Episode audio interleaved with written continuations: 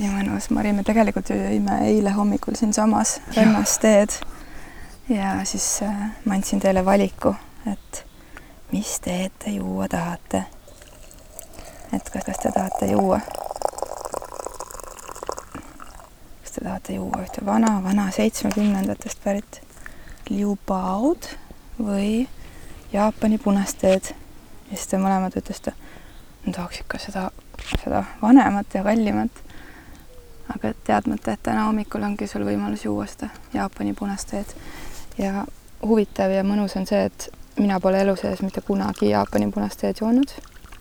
nii et kui muidu sina või keegi teine võib arvata, et ma tean või olen rohkem proovinud, siis me oleme täna täitsa ühel pulgal, et me saaksime ühest, ühest stardipunktist minema hakata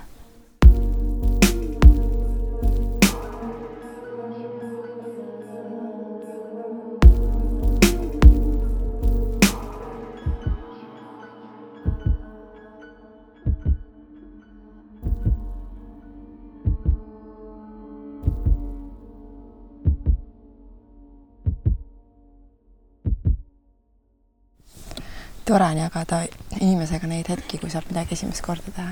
palun. tead, neid on nii vähe, neid asju, mida saab veel esimest korda teha teatud vanuses juba. ja siis, kui need hetked tulevad, siis on lihtsalt nii äge. täiega tead, see on äh, nii äge, et sa ütlesid seda. ma olen äh, viimaste kuude jooksul päris palju mõelnud selle peale äh,. suheldes mu tutvusringkonnas, ma ei saa öelda, et on mingis kindlas vanuses inimesed aga väga palju on ka kahekümne, kolmekümne vahel inimesi äh,. eriliselt veel mu venna kaudu tuttavaks saanud nendega. ja seal äh, nendega on nagu nii tore, ma õpin neilt nii palju ja ma näen, et nemad minult ka õpivad, aga täpselt see koht, mida sa ütlesid, et, et mul kogeda nendega midagi esimest korda, et seda juhtub väga harva ja kui see juhtub, siis ma olen mingis täiesti teistmoodi äh, ekstaasis või, või noh, niisuguses nagu ärevuses, erutuses, elususes. jaa, elususes, ilus.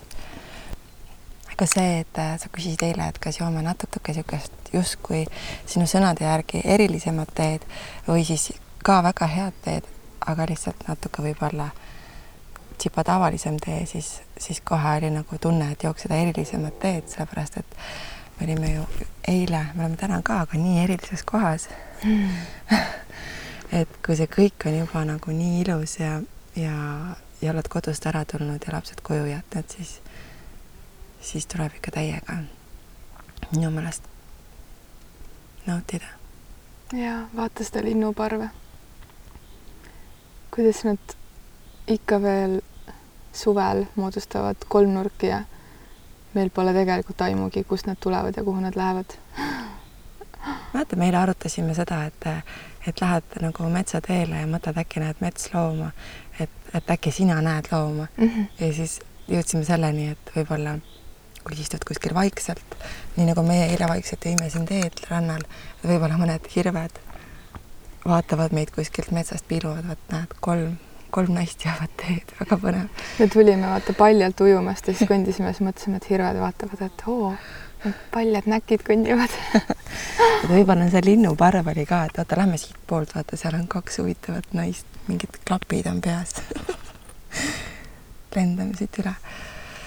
Mari, kui äh, meeldib alati mõelda seda, et äh, et kes me oleme mingitel hetkedel, et me oleme alati meie, mõnikord iseendale rohkem lähemal kui mõnel teisel hetkel ja sina oled ka kindlasti pidanud ennast tituleerima elu jooksul, pidanud või valinud äh, väga mitmeid erinevaid, mitmeid erinevaid viise pidi. et kes see Mari täna siin minuga hommikul kalanas liivarannal on? kusjuures mulle hästi meeldib see sinu elufilosoofia. Ma arvan, see on paljudel tegelikult, aga sa oled seda korduvalt öelnud, et äh, iga päev me oleme ju uus et äh, see kuidagi on hästi julgustav, et sa saadki olla iga päev uus või et, et see on väga okei okay,, et need mõtted, mis sul eile või üleeile olid, et et need võib-olla isegi tunduvad natuke rumalad või, või et sa oled edasi liikunud, et see näitab, et äh, mitte see, et sa oled rumal, vaid et äkki sa oled täna natuke targem, et sa oled lihtsalt edasi arenenud. aga täna, olles siin Hiiumaal ja kuna ma olen siin Hiiumaal nüüd olnud juba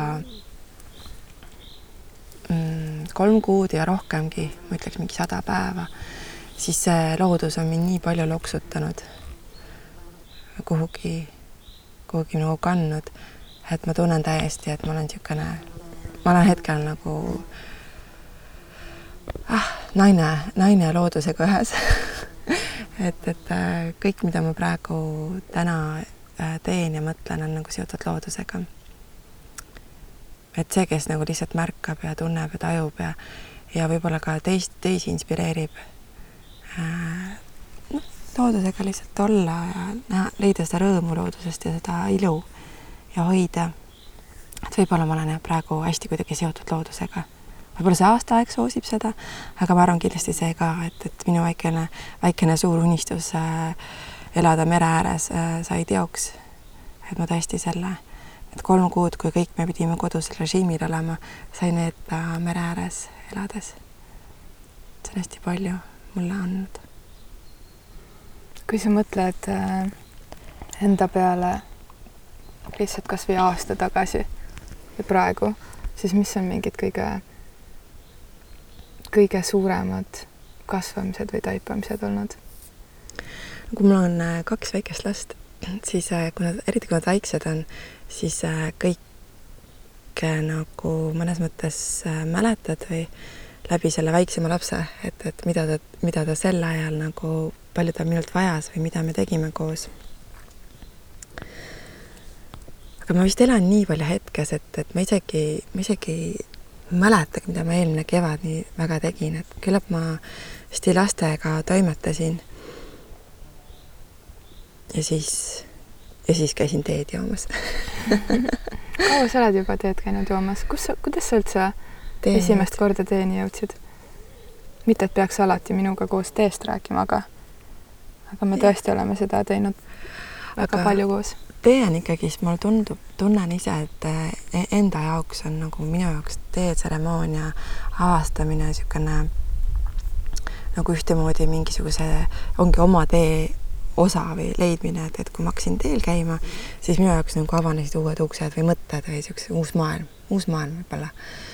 aga minu meelest ma äkki nägin sind kuskil Instagrami sotsiaalmeedias ja siis tundus, et kuidagi nii äge, lahe, see noh, et ma tahaks ära proovida seda teetseremoonia mm -hmm. ja ma isegi ei, hetk, sel hetkel nagu, me esimest korda oli seal Haapsalus ju jooga, joogafestivalil, kus ma itsitades läksin, tulin sinna teetelki ja ei teadnud üldse nendest teekommetest. lihtsalt naersin seal ja ei saanud aru, mis te kõik kuidagi nii vaiksed olete seal ütlesin, et võtaks küll lonksu teed. ei saanud hästi aru, miks seal kaussi valasid, mitte tassi see oligi siuke hästi, vaata, esimene kompamine. ma ei mäleta seda hetke, aga see on nii tore. jaa. joogafestivali telgis ja nüüd, kui me oleme koos palju rohkem kordi ja kordi ja kordi ja kordi teed joonud, siis ma arvan, et me oleme täpselt sama palju rohkem kordi ja kordi ja kordi naernud nii et teetseremoonia ja naermine äh, ei välista üksteist, aga nagu kõigeks on mingi aeg, on ju. jaa. kuidas niisugune äh, asi juhtub, et äh, üks inimene hakkab Hiiumaad armastama aga, aga tegelikult on see, et ma armastan üldse loodust ja hästi armastan puhast loodust. mulle hullult meeldib see, kui ma saan niimoodi terve pea ringi ära teha ja ma ei näe mitte kuskil inimjälge et need kohad, need hetked, kui ma selliseid kohti leian looduses veel, siis ma tõesti niimoodi, et võib-olla sellepärast ka, et ma olen hästi visuaalne. Mulle meeldib kunsti teha ja, ja see, mida ma näen, et äh, ma, mulle väga meeldib, kui on puhas loodus. mulle meeldib loodust pildistada ja seda enam ma otsin neid kohti, kus, kus inimkätt ei ole nagu väga, väga loodust puudutanud, inimkäe käsi. aga tegelikult ma olen äh, lapsena päris palju äh, Eesti, Kesk-Eestis, Raplamaal mm, Heidaperes kasvanud, et kõik suved nagu sa tol ajal kombeks olid, autoga sinna vanaisa vanaema juurde, pandi meid maha ja siis kolme kuu pärast tuldi järgi no päris nii ei olnud, aga noh, suuremas pildis. et sel hetkel isegi võib-olla oli lapsena oli hetki, kui oli raske sinna maale niimoodi jääda. et tunduski igav ja, ja kuidagi see linnakeskkonnast välja rebimine niimoodi maale. aga tegelikult see oli see koht, kus, mis hästi palju kasvatas. Hästi palju andis, nüüd seda ma tajun ma olen väga tänulik oma vanematele, et nad meid niimoodi maale viisid ja oma vanaisale, vanaemale, et me olime väga hoitud seal. ja, ja siis, kui sa oled lapsena niimoodi seda kogenud, siis äh,, siis äh, täiskasvanuna ka iga hetk, kui on võimalik taas kogeda seda, et sa saad lihtsalt paljajalu ringi joosta ja, ja lapsemeelset loodust nautida, et siis ma võtan selle alati kahe käega vastu ja nii me sattusimegi Hiiumaale, me sattusime siia vist umbes neli aastat tagasi, alguses venna pere äh, kutsel lihtsalt siia Kalanasse puhkama tulles. meile tundus täiesti paradiisina, et kuidas on võimalik, et Eestis selline koht on. Ja siis hakkas vaikselt see asi niimoodi meil nagu sees, meil, ma räägin selles mõttes meil, et minul ja mu elukaaslasel Jesper Parvel, kes me koos mõtleme ja loome, et, et see võiks olla koht, kus, kus aega veeta rohkem et alguses me üldsegi elasime karavanis. oma niisuguse esimese su suve või pikemalt veedetud aja me veetsime karavanis. väiksem laps oli siis vast äh, nelja-viiekuune. Niimoodi seal karavanis olles ta õppis roomama aga see kontakt, mida seal, seal ka sain merega ja, ja selle loodusega ja siis äh, mul on väga hästi meeles see need tähistaevad ja see oli see aasta, kui oli see punane, punane Mars oli vist näha hästi mm. -hmm. ja, ja seda pidi iga õhtu otsima ja vaatama ja sellised asjad äh, nagu jäävad nii hinge, et, et sa hakkad lihtsalt sealt edasi pusima ja nüüd meil on oma, oma pesa olemas siin. ma mäletan, äh, mina juba oma endise elukaaslase, endise abikaasaga, nii huvitav, et naine saab ühel hetkel elus öelda no mitte, et nagu kõik peaksid saama, aga et mina olen oma elu valinud nii-öelda, et saan öelda oma endise abikaasaga. et meil oli juba siin äh, see maatükike olemas, kui, kui me teid märkasime siis äh, vännitamas kämpamas. kompamas. ja, et äh, ja nii huvitav, me oleme ka vaadanud, üksteist jälginud ja üksteiselt nii palju inspiratsiooni saanud et, et sa minu jaoks, mis, kuidas ma näen, mida sa Hiiumaal teed läbi, on täpselt see, mida mina nendel esimestel noh, umbes samal perioodil heas mõttes tegin, et kõik see taimede avastamine ja taimedega värvimine ja mingi noh, mida iganes, mingid asjad, et nii tore on, on lihtsalt vaadata, kuidas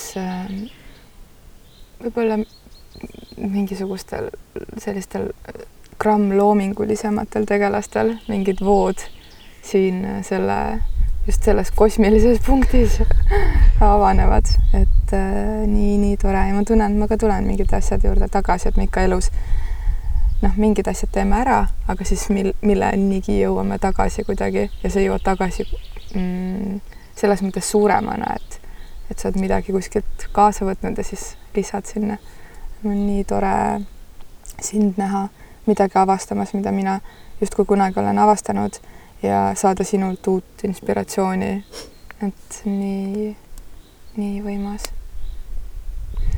ma arvan, loodusel on jah, see nagu oskus nagu mingid, ma ei tea, kas lukud või mingid punktid sinust lahti vajutada.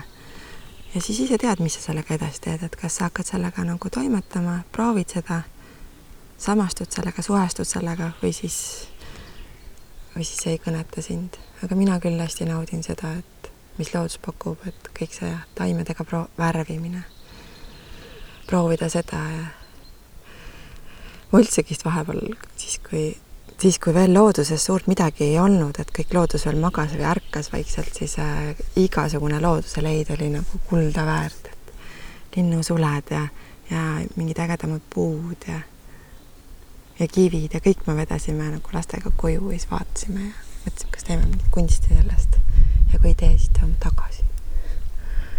sa kasutasid seda sõnapaari loodusega ühenduses olemine ja kui ma seda ütlen enda kontekstis, siis ma tohutult nagu selle taha mõtlema ei hakka või ma ei proovi seda kuidagi lahti sõnastada. aga ma olen seda pidanud ja proovinud nüüd teha kuna viimastel kuudel on mul ähm, Instagrami postkasti potsatanud sellised küsimused, ikka kirjutatakse päris palju ja uuritakse erinevate asjade kohta. Ja nende kirjade sisu on olnud hästi sarnase mõtestusega, et nad üldse ei tea, mida see loodusega kontaktis olemine tähendab ja kui nad vaatavad äh, minu profiili, siis ise elades näiteks välismaal või mujal, siis nende jaoks on nagu sild Eesti loodusesse või nagu see inspiratsioon, et äh, et täitsa lõpp, et see on ikkagi kuskil olemas ja võimalik.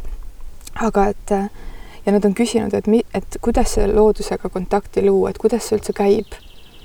ja ma olen nii mitmele kirjale võib-olla täni, tänini vastamata jätnud, sest et tundub kuidagi kuidagi nii suur vastus või et kuidas ma nüüd vastan või mis see tähendab, sest et igal inimesel on oma lugu, kuidas ta ükskõik millega ühendust saab või mida see ühendus tema jaoks tähendab. nii et äh, ma ei küsi praegu sinult, et mida see ühendus sinu jaoks tähendab, aga aga ma küsin hoopis seda, et et millised hirmud sul looduses üles on tulnud? Sest ma mäletan, kui mina tulin Kalanasse ja siin metsa ja mere piiril elades mm, ka elektrita, siis üks asi, mida, millele otsa vaadata, on pimedus, on ju, või siis ka see, et et kui sa betoondžunglis oled harjunud, et need teised loomad on enamasti inimesed või siis ketitatud koerad, on ju, et siin, kui sa kuuled ikkagi nagu metssigasid või sokkusid või hirvesid haukumas või möirgamas või rebaseid äh, haukumas, et, ähm, et siis on mingi koht. ja ma võin omalt poolt pärast oma mõnest peegeldusest rääkida, aga, aga ma tahaksin sinu, sinu poolt kuulda, et mis on mingisugused hirmud või mingid sellised kohad, mis sul üles on tulnud looduses ja kas sa oled osanud neile kuidagi otsa vaadata? ma äh, esmalt ütlen seda, et, et kui inimesed küsivad, et kuidas äh, kuidas kontakti luua loodusega või et kuidas teha see esimene samm. et, et see ongi see koht, kus ma olen oma vanematele väga tänulik, et mind lapsepõlves viidi loodusesse. et kui sa koged seda kohta lapsepõlves, siis võtad kõike seda nagu palju teistmoodi, sa oled pigem kogu aeg käpuli ja nagu alustadki nagu madalast pihta.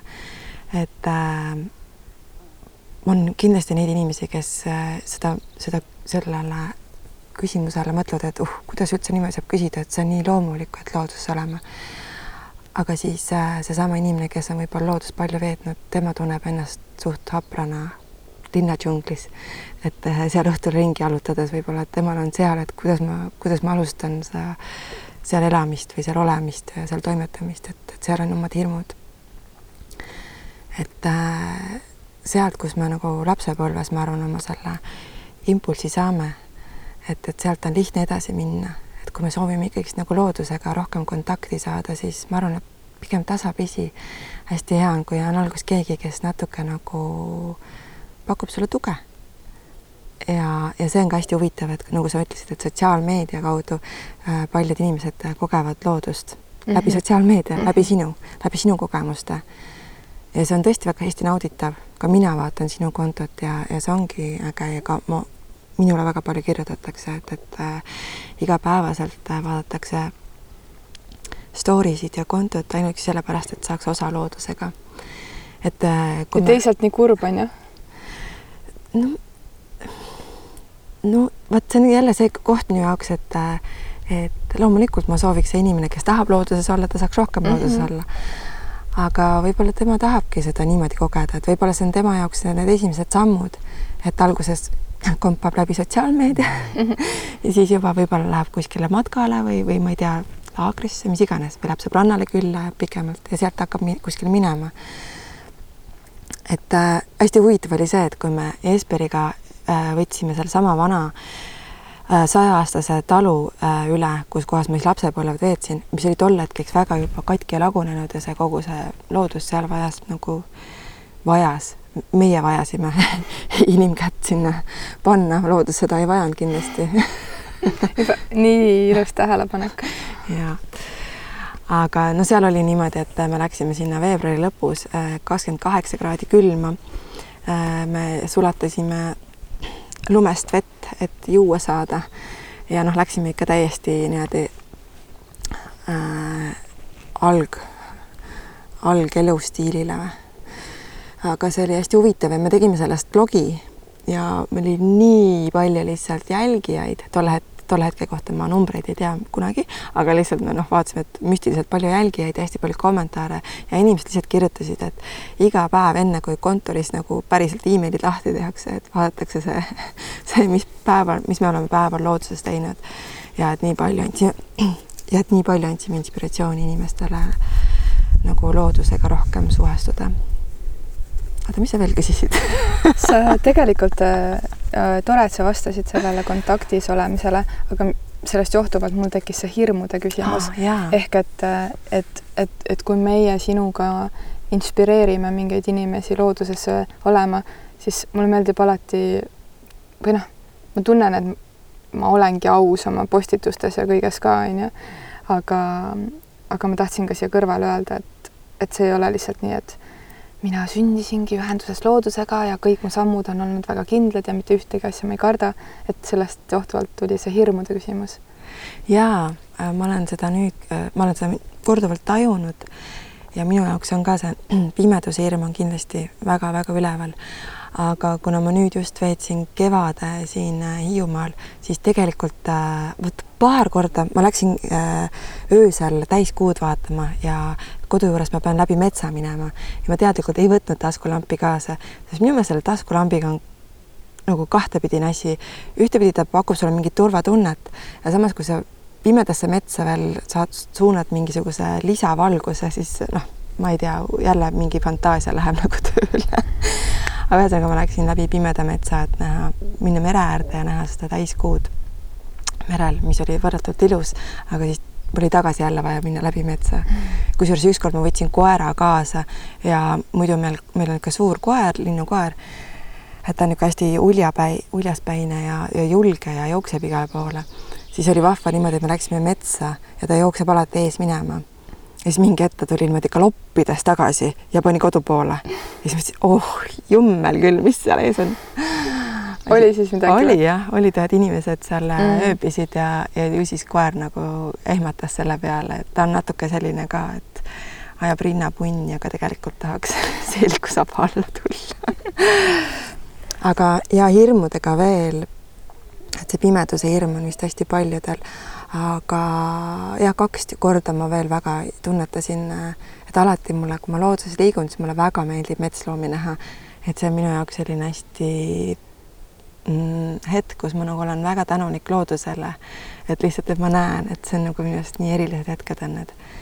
ja, ja siis äh, mulle väga, ma olen näinud kogu aeg siin rannas neid hirvejälgesid ja ma olen kogu aeg mõelnud, et ma nii väga tahaks nagu neid hirvesid rannas näha, et see minu jaoks tundub nii müstiline vaatepilt. Ja mul õnnestuski neid näha, kusjuures siinsamas rannas, kus me istume, kolm hirve. see oli hästi-hästi eriline hetk. aga loomulikult nagu inimesel kombeks on, siis ma tahtsin ikka veel näha, et ikka lähemalt ja veel.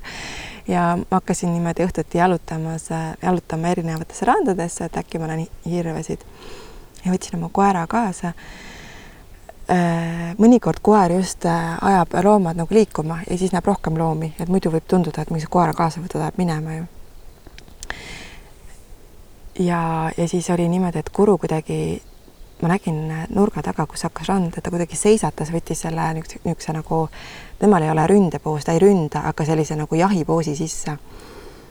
ma mõtlesin, ju siis nägi mingit lindu aga huvitavalt ta läks kuidagi teiselt poolt, nii et, et äh, ta ajas hirve, suure hirve jooksu minu suunas. et kui ma sealt nurga tagant tulin, siis see hirv jooksis nagu galoppis minu suunas ja mind nähes tegi seda, seda nagu hobuse ihahaa. ihahaa, ta päris ihahaa ei teinud. aga nagu see aga liigutus on ju. ma ei saa öelda kapp, käppadele, aga kapjadele siis või noh, tal ei ole kapju ka noh, ühesõnaga sõrgadele. tõusis niimoodi kahe jala peale korraks ja siis oli puhti kohe, tegi äh, hüppe nagu metsa ja kadus ära aga lihtsalt see hetk oli niimoodi, et mul pärast niimoodi süda puperdas ja ma tundsin seda hirmunud loo, metslooma lõhna mm.. et see läheb kuskile nagu sügavamale sinusse ja see mingi ajus hakkab, mingi ajukeemia hakkab tööle. et see oli niimoodi. tulid külmatapid? jaa, ma tükk aega käisin ja mõtlesin, ei Marina, lase nüüd noh, võta nüüd et rahune maha nüüd nagu kuidagi, ma ikka veel tudisesin ja värisesin kogu sellest asjast, et see oli nagu väga lahe ja äge kogemus ja samas ma sain aru, et et kui metsik tegelikult loodus on, et et ma olen ikka nii habras siin. kui vahest mulle hästi meeldib loodussaateid vaadata, kui ma vaatan loodussaateid, siis ma ka alati mõtlen, et vau, et mida, mida looduses loomad nagu läbi elavad, kui palju seal on tegelikult hirme. ja samas äh, äh kui ära võtta see nii-öelda dramaatika on ju nii-öelda bioloogia, bioloogia võtmes on ju, et see ongi nagu inglise keeles on see sõna inevitable või nagu, et see ongi noh, see ring, eluring on ju. ja, ja keegi sööbki kedagi ja keegi sööb jälle teda ja, ja, ja see jaht on nagu osa, osa sellest ringist. aga lihtsalt see mõte ka, et, et ma olen vaadanud kõiki neid neid metsikuid äh, linde siin mm, mere ääres ja mõelnud, et et kuigi neil on see hirmu koht ja see eluohtlikkus, aga ma arvan, et see elu ilu on neil lihtsalt niivõrd suur.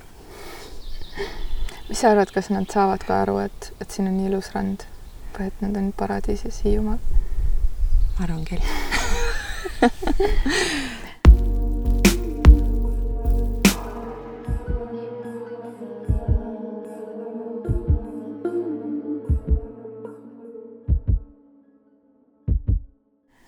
aga hirmudest veel, et äh,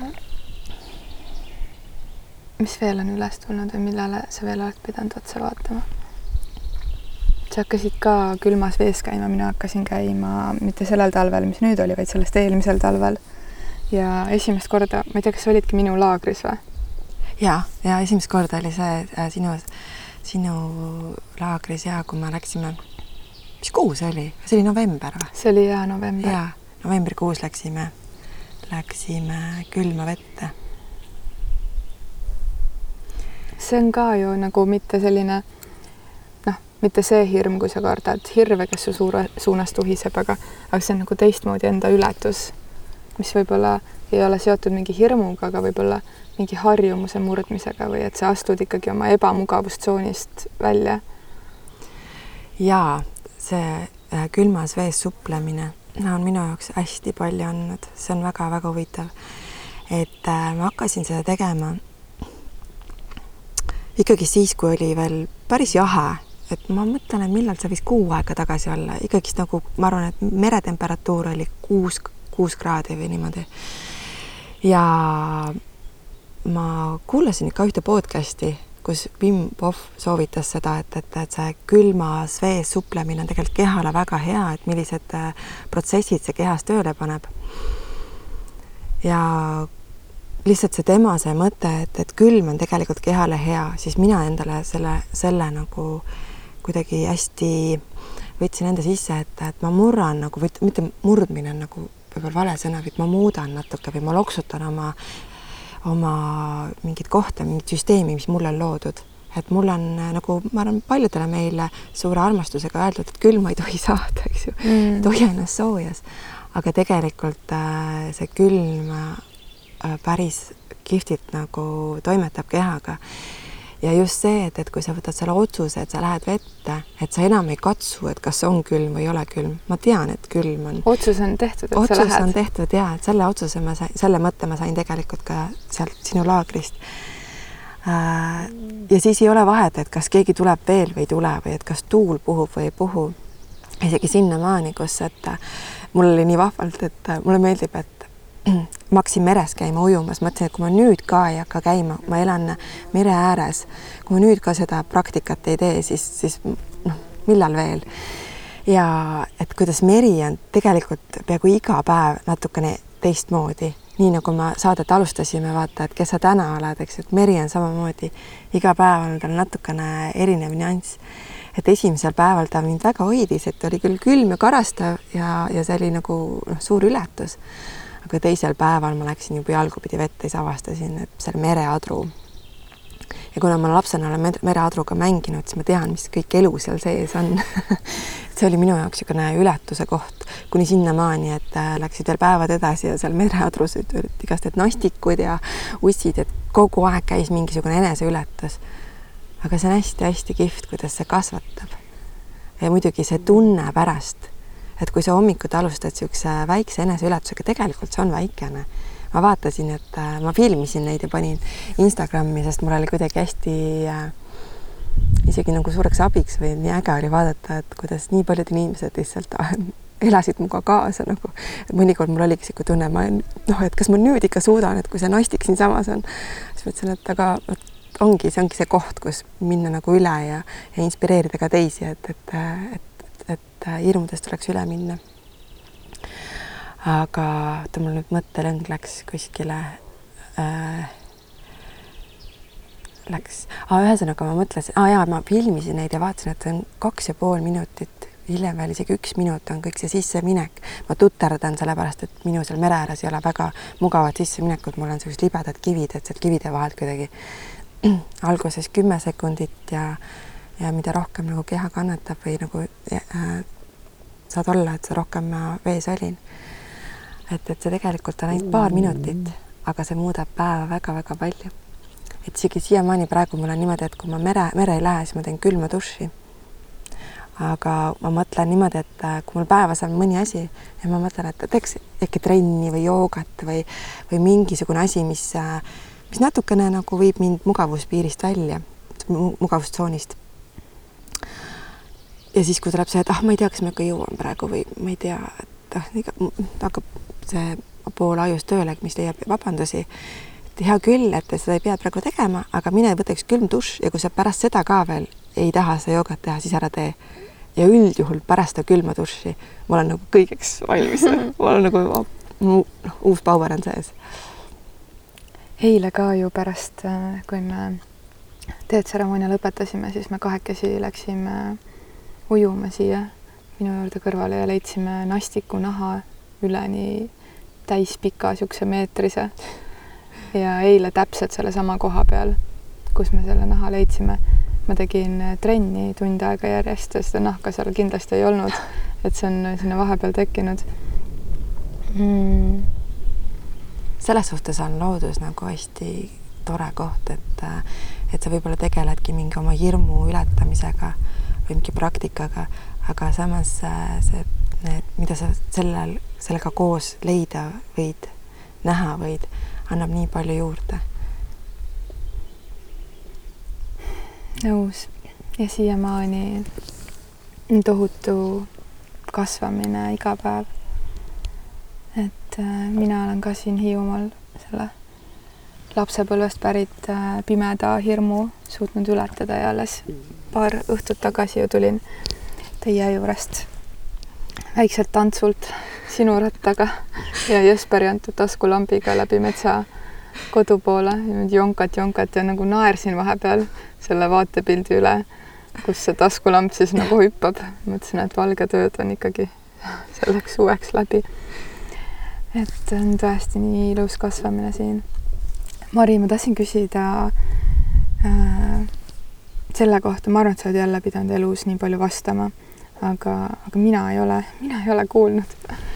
mis tunne või, või mida see tähendab, et kui sa oled siia ellu valinud sündida kaksikuna, sul on kaksikõde, mis see, kas see, kas see on sinu jaoks midagi nii tavalist, et natuke on isegi kentsakas sellele vastata või, või see on mingisugune selline teadmine, et, et, et sul on alati keegi kuskil, kes mõistab sind sõnadeta või, või, ma ei tea, mul tulevad mingid stampmõtted, mida ma olen filmidest näinud, sest ma nagu ilmselgelt ei ole seda ise kogenud. aga mida, mida tähendab see, et, et võib-olla sind pool elu on kellegagi sassi aetud või, või, või võrreldud või öeldud või, või jah, nüüd lõppeski see küsimus niimoodi või, või ma kindlasti ei, ei võta seda nagu, et iseenesestmõistetavana, et ma olen see, et mul kaksikõde on, ma olen selle üle tohutult tänulik. Ja, ja tegelikult see, et sa oled kaksik juba noorest peale, sa tunned ennast erilisena. Või vähemalt meie tundsime, sest me saime nii palju nagu tähelepanu. mingi nooruki eas tekkis väike trots ja me nagu ei osanud sellega kuidagi toime tulla hästi või noh, kuidagi see sosistamine, kaktikud, kaktikud aga, aga siis saad sellest üle ja see sõna kaksikud tegelikult üldsegist nagu kuskile kaob tahaplaanile, et lihtsalt, et sul on niisugune äh, hingesugulane terveks eluks antud, et äh, paljud meist ju kas leiavad või otsivad seda ja kas üldse leiavad või noh, minu jaoks on nagu tegelikult nii õde kui vend on nagu suurim kingitus, mida mu vanemad on mulle kaasa andnud eluks.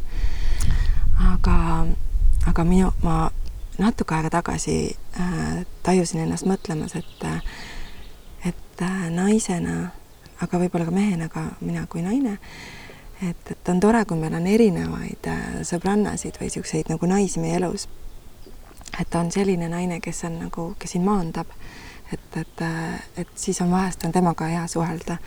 ja siis on selline sõbranna või naine, kes sind tõstab ja võib-olla selline, kes on natuke nagu tuleelemendis, et ajab sind käima, aga see kasva-, loodetavasti kasvatab, et see võib-olla ajab natuke sind nagu isegi närvi, sa ei saa temaga koos olla, aga kui sa mingi hetk taipad jälle, et see tegelikult on kasvamise koht mm, -hmm. siis äh,, siis lisaks sellele on tore, kui sul on üks inimene, kes on sinu jaoks nagu peegeldus.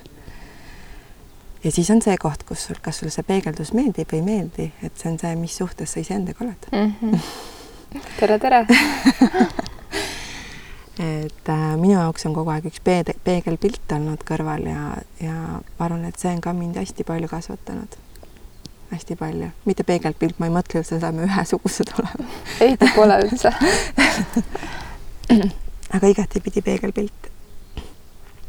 et see on hästi ilus, ilus kasvamise koht, taipamise koht ma olen väga tänulik, et mul õde Kristi on, ta kindlasti kuulab seda tagantjärgi, ma tervitan mm. -hmm. ärme Kristi eest räägi, sellepärast et tema ei valinud öelda jah äh, sellele salvestusele ja, ja ma praegu ei leidnud endas seda kohta ka, et, et teda kutsuda vestlema, sest et me oleme natuke rohkem aega koos veetnud ja tundus mõnus lihtsalt jagada seda hetke, mida me tihtipeale siin metsade, randade vahel jagame aga ma küsiks veel seda, et äh, tead, et mul praegu nüüd, kui sa hakkasid rääkima, siis mul tuleb meelde see joogafestivali tee ah. koht, sellepärast et kui sa pärast seda tulid linnas minu stuudiosse teele, siis ma ei olnud kindel, et kas tuli Kristi või tuli Mari. ja ma olen sulle öelnud ka seda, aga ma mõtlesin, et kui sa olid juba mitu korda teel käinud, et ma nägin, et, et sa tuled kindlasti tagasi, on ju, et see ei olnud nagu nüüd viimane kord, siis ma mõtlesin, et Äh, ja vahepeal siis linna peal näiteks Kristit nähes või vahepeal sind nähes linna peal, teadmata siis, kes on, on ju. siis ma mõtlesin, et nii äge. ma tunnen, et mingi hetk tuleb see koht, kus ma teen teil täiesti perfektselt vahet, et see tuleb kohe, aga veel ei ole seda kohta, et natuke ikka alati kompad, isegi nagu ootasid, et mis tonaalsuses see tere tuleb, et kuna Kristiga me oleme ainult paar korda, korda elus kohtunud, on ju, siis tema tere on äh, mitte külmem, aga lihtsalt mitte nii tuttavlik kui meie tere, onju, et see rõõm sinul mind näha on juba sinna nagu nii palju rohkem pandud, siis ma sain aru, et okei okay,, see on Mari, sest et ta tuleb juba ja ta natukene juba võtab selle eelmise kohtumise pealt. ja siis ühel hetkel, mitte et ma oleks trenni teinud aga ühel hetkel on, te muutusite nii erinevaks, et mul ei olnud üldse mingit küsimust, et kes on kes või see, et et kui sa ei süübi, onju või nagu pealispindselt vaatad, siis see tundubki kõik nii sarnane kaksikute puhul. ja nüüd, kui ma vaatan, siis mäletad, ma olen sulle öelnud ka nii mitmel kordadel, et äh, Mari, sa oled praegu nii Kristi moodi. see on nii alus et see ei ole see, et te olete minu jaoks kogu aeg sarnased, vaid mingitel hetkedel ma näen, et oh, nüüd sa oled Kristi moodi. ja siis ma olen ise kuidagi nii sihuke nagu noh, äge tunne on, et, et täiesti üllatus-üllatus, kaks täiesti erinevat imekaunist naist. ja, ja kui ma olen ise ka tegelikult näinud kaksikuid, mul on mõned sõbrad, siis ma alguses olen samamoodi pusinud, et kumb on kumb ja siis on see äratundmisrõõm või see koht, kus, et mul on ju samamoodi otsa vaadatud ja niimoodi nagu kaht, nagu natukene kõhklevalt nagu, et kas ütlen tere või ei ütle tere. ma olen sellega nüüd nii harjunud juba, kuidagi see on nii loomulik, et tullakse, võõrad tulevad ja sajavad täiega sisse ja teevadki seda, seda tere-tere kallit või niisugust mm, -hmm. et, et oleme sõpsid. aga minu jaoks on täiesti võõras inimene ja siis ma olen selle kuidagi niimoodi kahe vahel, et ühtepidi kehakeel näitab, et ära tule, ära tule aga samas ma võtan selle vastu, sellepärast ma tean, et, et hetkel ma pean siis nagu olema Kristi rollis ja ma jään lihtsalt viisakaks, et ma ei võtagi seda nii-öelda, et ma ei hakka ütlema, et ma olen Kristi, aga ma lihtsalt ei taha, et Kristi äh, sõbrannad ennast kuidagi puudutana tunneksid armas. Ja kohtusin paar päeva tagasi esimest korda teie vennaga. Yeah.. ja ma olin mõelnud selle peale ka, et, et kui teie olete kaksikud, et huvitav, et kas teie vend on ka natuke teie nägu ja oligi. Nii armas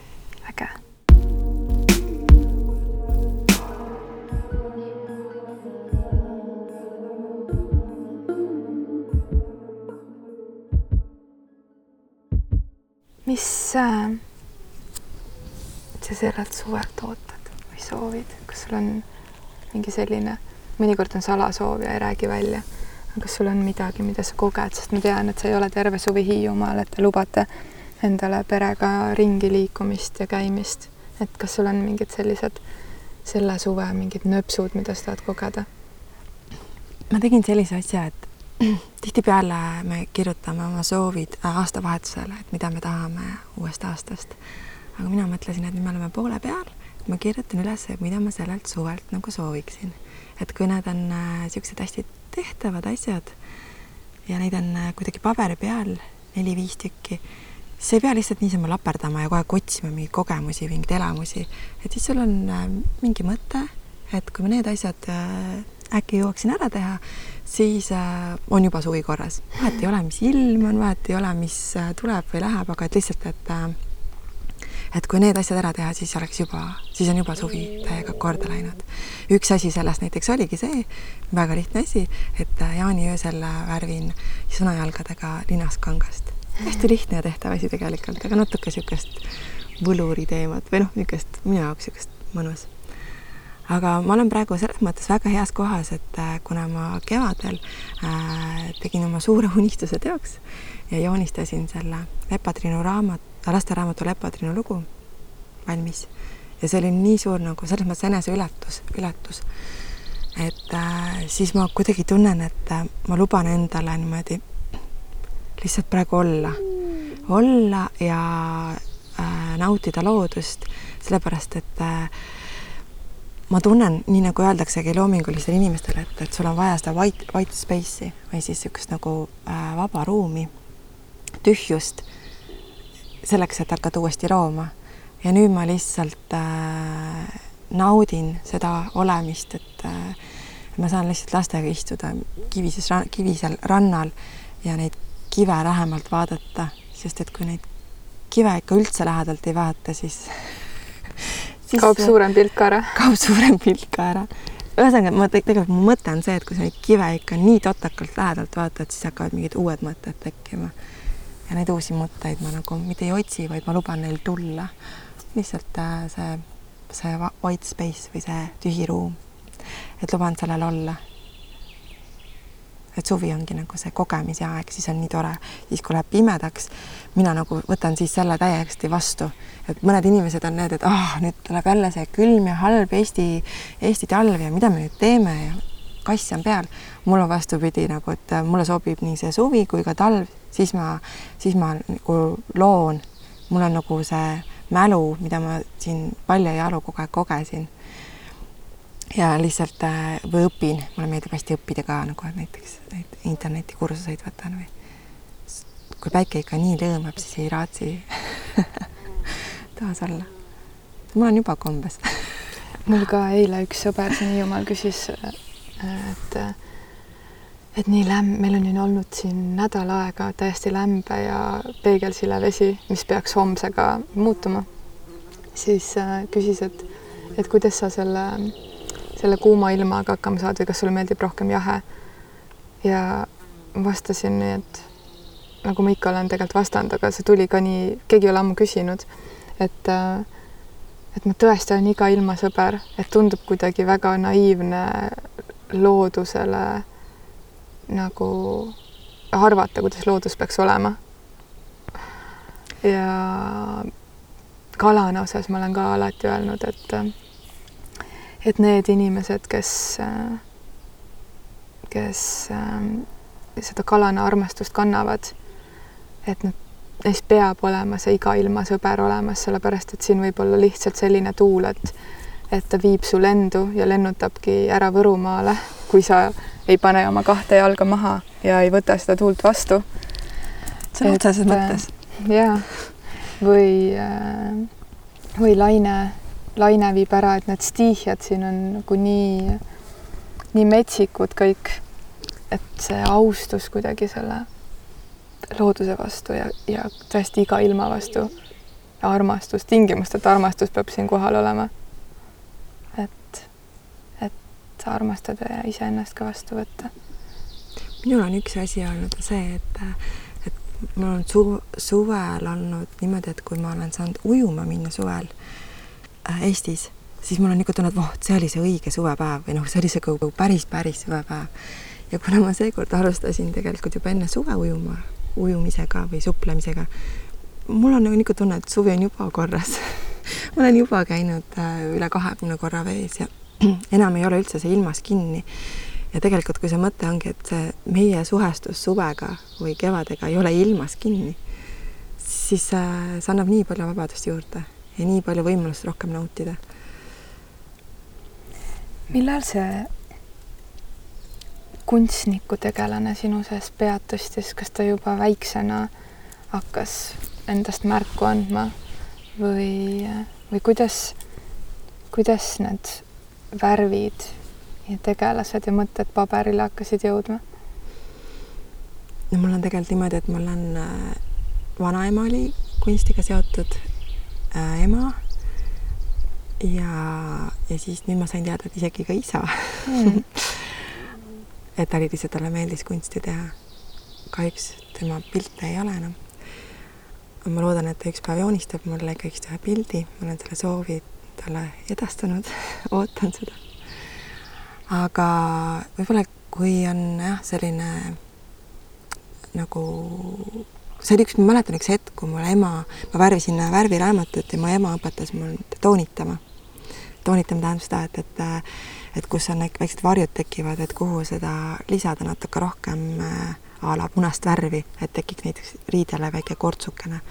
ma olin, ma arvan, päris noor, äkki kümme või niimoodi, aga et see taipamine, et vau, et ma saan nii palju rohkem teha värvidega, kui ma natukene nagu tean.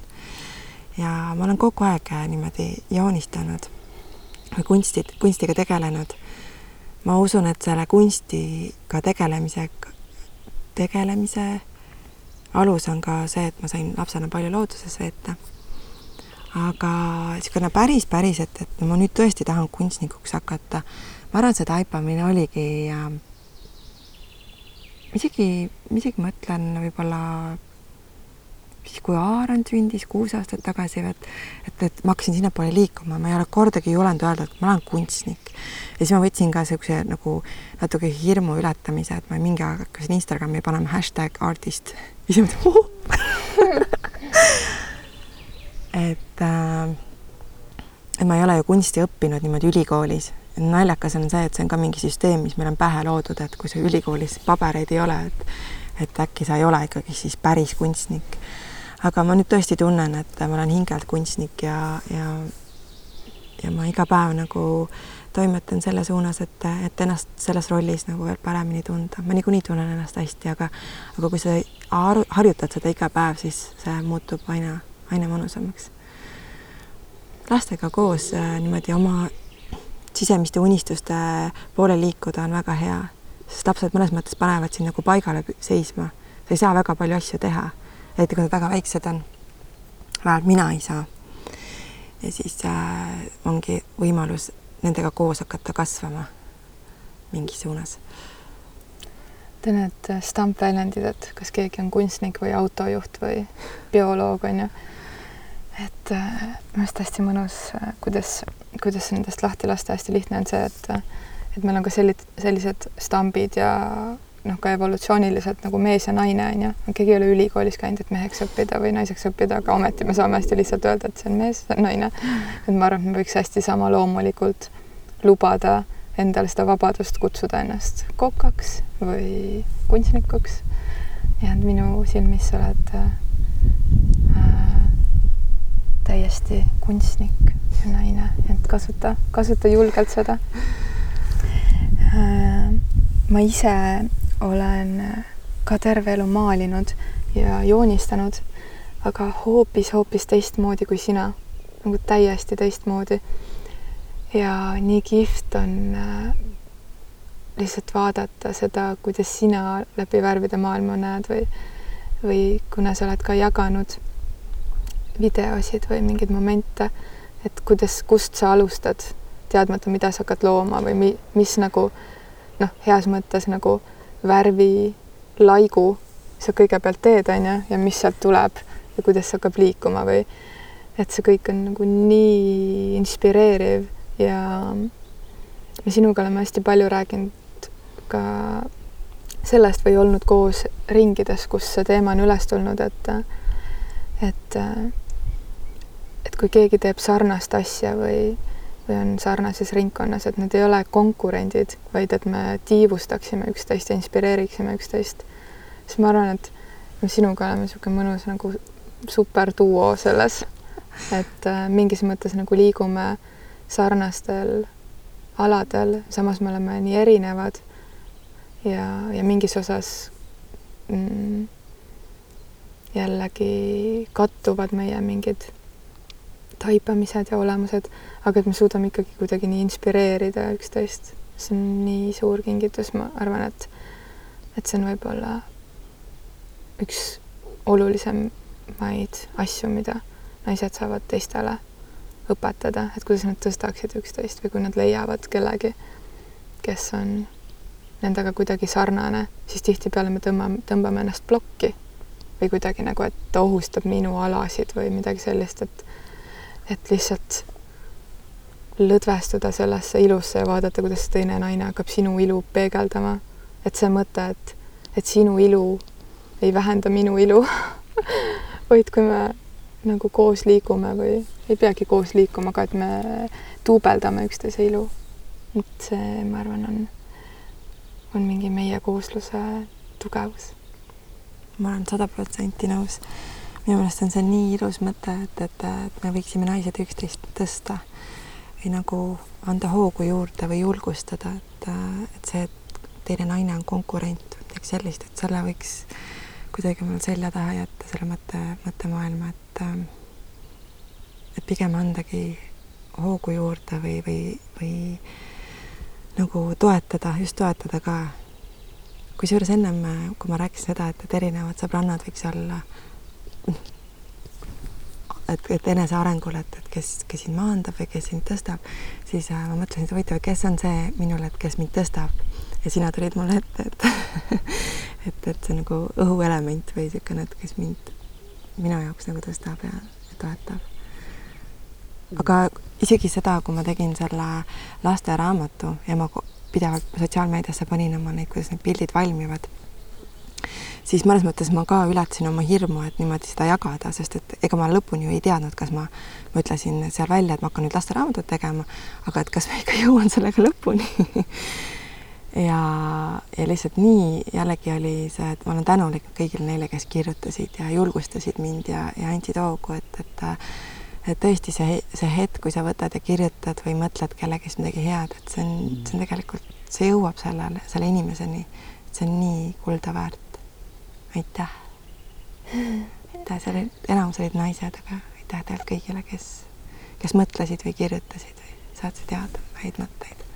ja sinu kõrva, kõrval on selline partner, su laste isa ja elukaaslane, kes, kes nüüd saab öelda, on ka su kirjastaja Jah. kes on aidanud äh, äh, sul selle kõik kaante vahele saada.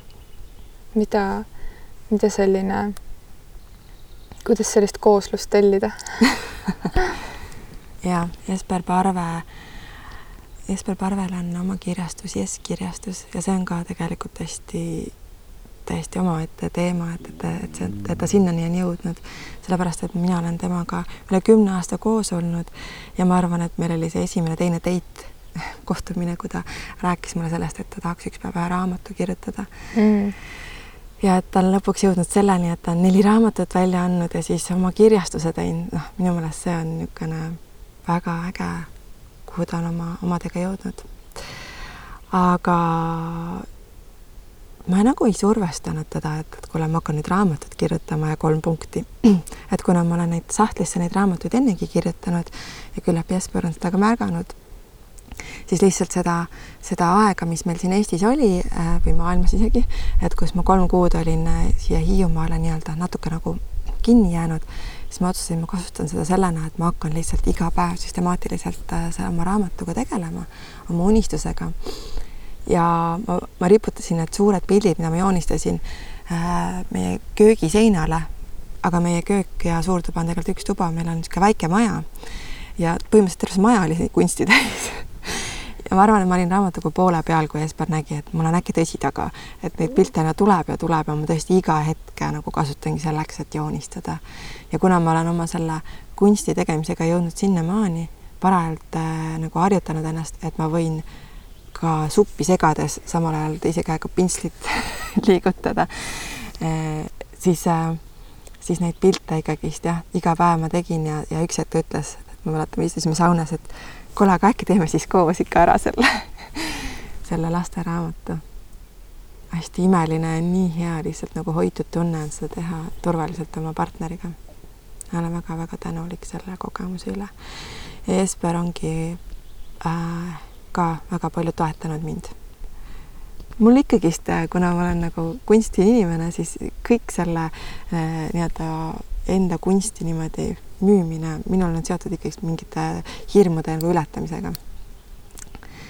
ja et see on väga hea, kui ma olen hästi hoitud ja toetatud selle, sellel, sellel hetkel.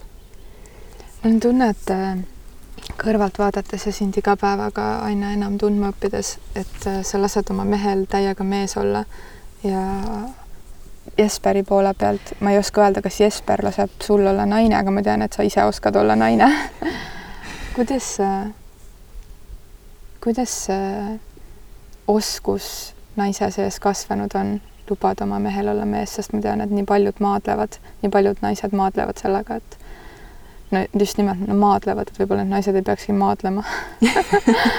Et äh, et ei oska kuidagi lasta oma partneril olla mehe rollis ja ja võetakse ise mingeid ülesandeid või arvatakse, et et ah, see mees võib-olla ei saa hakkama, et ma pean ise kõike tegema ja, ja samas kogu aeg see naiselikkus ka nagu feidub paralleelselt. no mina mingi hetk taipasin seda, et kui mõte tekkis, et, et kui ma tahan tunda ennast nagu kuninganna siis, siis ei ole see, et, et ütled mehele, et kuule, ma tahan seda, ma tahan toda ja umbes ma ei tea, mida veel. et mehelt, et ma pigem proovin mehe sättida kuninga positsiooni ja siis see võimaldab minul ennast tunda kuningannana. et, äh, et või noh, nagu ma ei tea, printsessina või jumalannana, mis iganes, hästi naiselikus lihtsalt äh, energias olla. et ma luban mehele olla täitsa nagu mees ja siis ma saan olla naine ja ma tohutult naudin seda naiseks olemise rolli. aga mulle vahepeal tundub, et, et me naised võib-olla olemegi, et jah, et mina olen küll nüüd nii naine, et, et ma tahan, et mees kõik mu eest ära teeks või et ta võiks rohkem mees olla. et võib-olla, et see, see küsimise koht, et et kas ma olen loomulik naine mm. et kas ma luban nagu juhtida nagu noh, nii-öelda loodusenergiatel või nagu, et kas ma olen, kui palju selles on nagu inglise keeles fake või nagu mm, kunstlikkust, kunstlikkust ja, ja või kui palju selles on seda, mida ma olen kuskil sotsiaalmeedias näinud ja näen, et noh, et see nüüd on mingi naise mm. ülim kuju, et ma pean nüüd ka selline olema, et siis ma olen naine. aga tegelikult minu jaoks naine on energia. see, mis välja, noh, väliselt me oleme, kui palju sellele nagu võib-olla tähelepanu pööratakse. naine on energia siis ei, seda ei saa nagu väga fake ida. Ma olen ka, kuna enamjaolt rohkem naistega tööd teinud aastate jooksul, siis äh, ma näen mingeid naisi, kes äh,, kes on mulle öelnud ka, et nad tahaksid olla nagu mina. et me inspireerime ja sealt tuleb välja see lause, et ma tahan olla nagu sina. ja siis ma alati ütlen, et, et nagu seda ei ole olemas. Või et, et laseme sellest praegu kohe las-, lahti, et, et ma, et ma soovin, et kui ma sind inspireerin, siis ma inspireerin sind olema sina. et sa tõid ka välja selle, kuidas, et, et keegi arvab kuskil, et naine on midagi sellist ja siis püüab olla selline. Et see naisenergia võib väljenduda väga erineval viisil ja kuidagi katsuda olla kellegi teise moodi tihtipeale hoopis kuidagi lämmatab seda naist, kes sina oled. ja samamoodi nagu ma ütlesin, et see loodusega ühenduses ma olen saanud neid kirju, et kuidas selle naiselikkusega endas ühendust saada, et mis sinu vastus sellele on, kuidas sina vastaksid, kui küsitakse või ilmselt ongi ka küsitud mm.? Kuidas ma nüüd seda seletaksin, ma, mul tegin ükskord üks huvitava meditatsiooni läbi, et äh, kuidas ma nagu iseennast näeksin niimoodi, et, äh, et istud rahulikult ja paned silmad kinni ja lihtsalt äh, no, vaatan iseennast kõrvalt. vaatangi seda iseennast kõrvalt ja kuidas ma hakkaks nagu liikuma ja olema ja ja mida ma nagu teen ja lihtsalt olen see iseenda kõrvaltvaatleja. minu jaoks on see hästi huvitav koht, kus ma nagu, kellena ma ennast siis näen. ja tavaliselt äh, või noh, tegelikult tavaliselt ma mingi hetk nägin nagu, et mul on aeg juuksed lahti ja mul on pikk leit ja ma kuidagi tantsin rannas või lendlen niimoodi. ja siis äh, ja tunnen ennast väga hästi naisena. ja iga mingi hetke tagant ma lähengi sellesse meditatsiooni ja mõtlen, et kuidas ma ennast naisena näen, kõrvaltvaatajana. et just nagu tunnen, mis tunne see on olla selline nimelt naine. ja niimoodi ma nagu liigungi, et ma just nagu otsin seda naist iseenda sees. ma ei otsi, otsi seda väljastpoolt.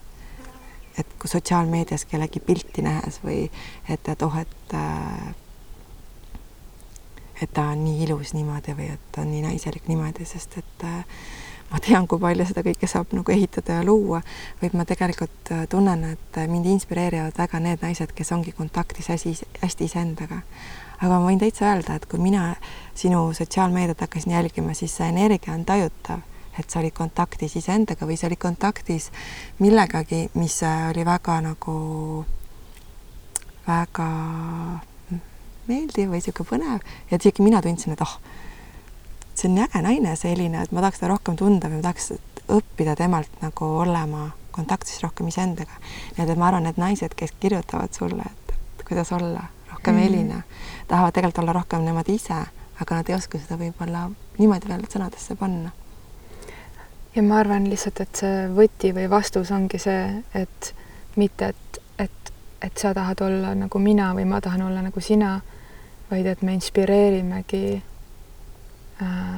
inspireerume ja laseme lahti kõigest sellest, mis me justkui väljaspool ennast tahame olla ja kuidagi nagu endasse tulles ja noh, lihtsalt ei saa teest mitte rääkida, kui sa istud koos inimesega, kellega sa oled nii palju kausse teed jaganud.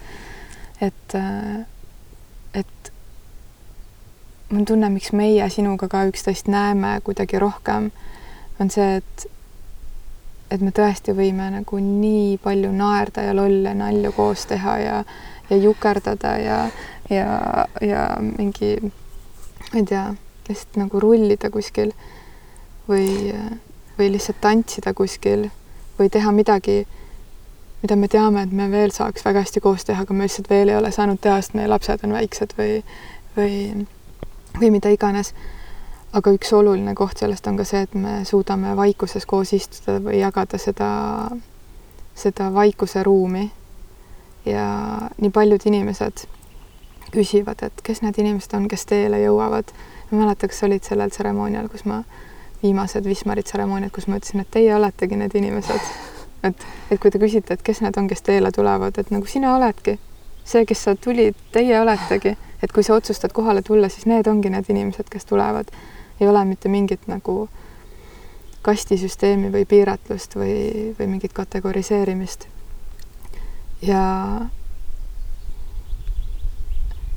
ja selle enese, ma ei taha öelda eneseotsingud, aga enese leidmise teel ei ole mõtet kuidagi nagu mm, nii tiibiks minna, et sa unustad rõõmu ära. Et kui sa ikka veel suudad natuke lollitada ja, ja nalja teha ja kuidagi selle rõõmuga kontaktis olla, siis see naine hakkabki sinus rohkem välja kooruma.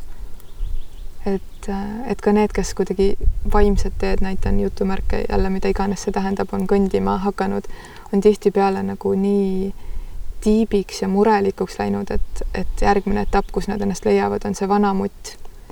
Nagu näiteks vist kolmekümne-aastane vanamutt või tädi on ju, niisugune tänitav tädi.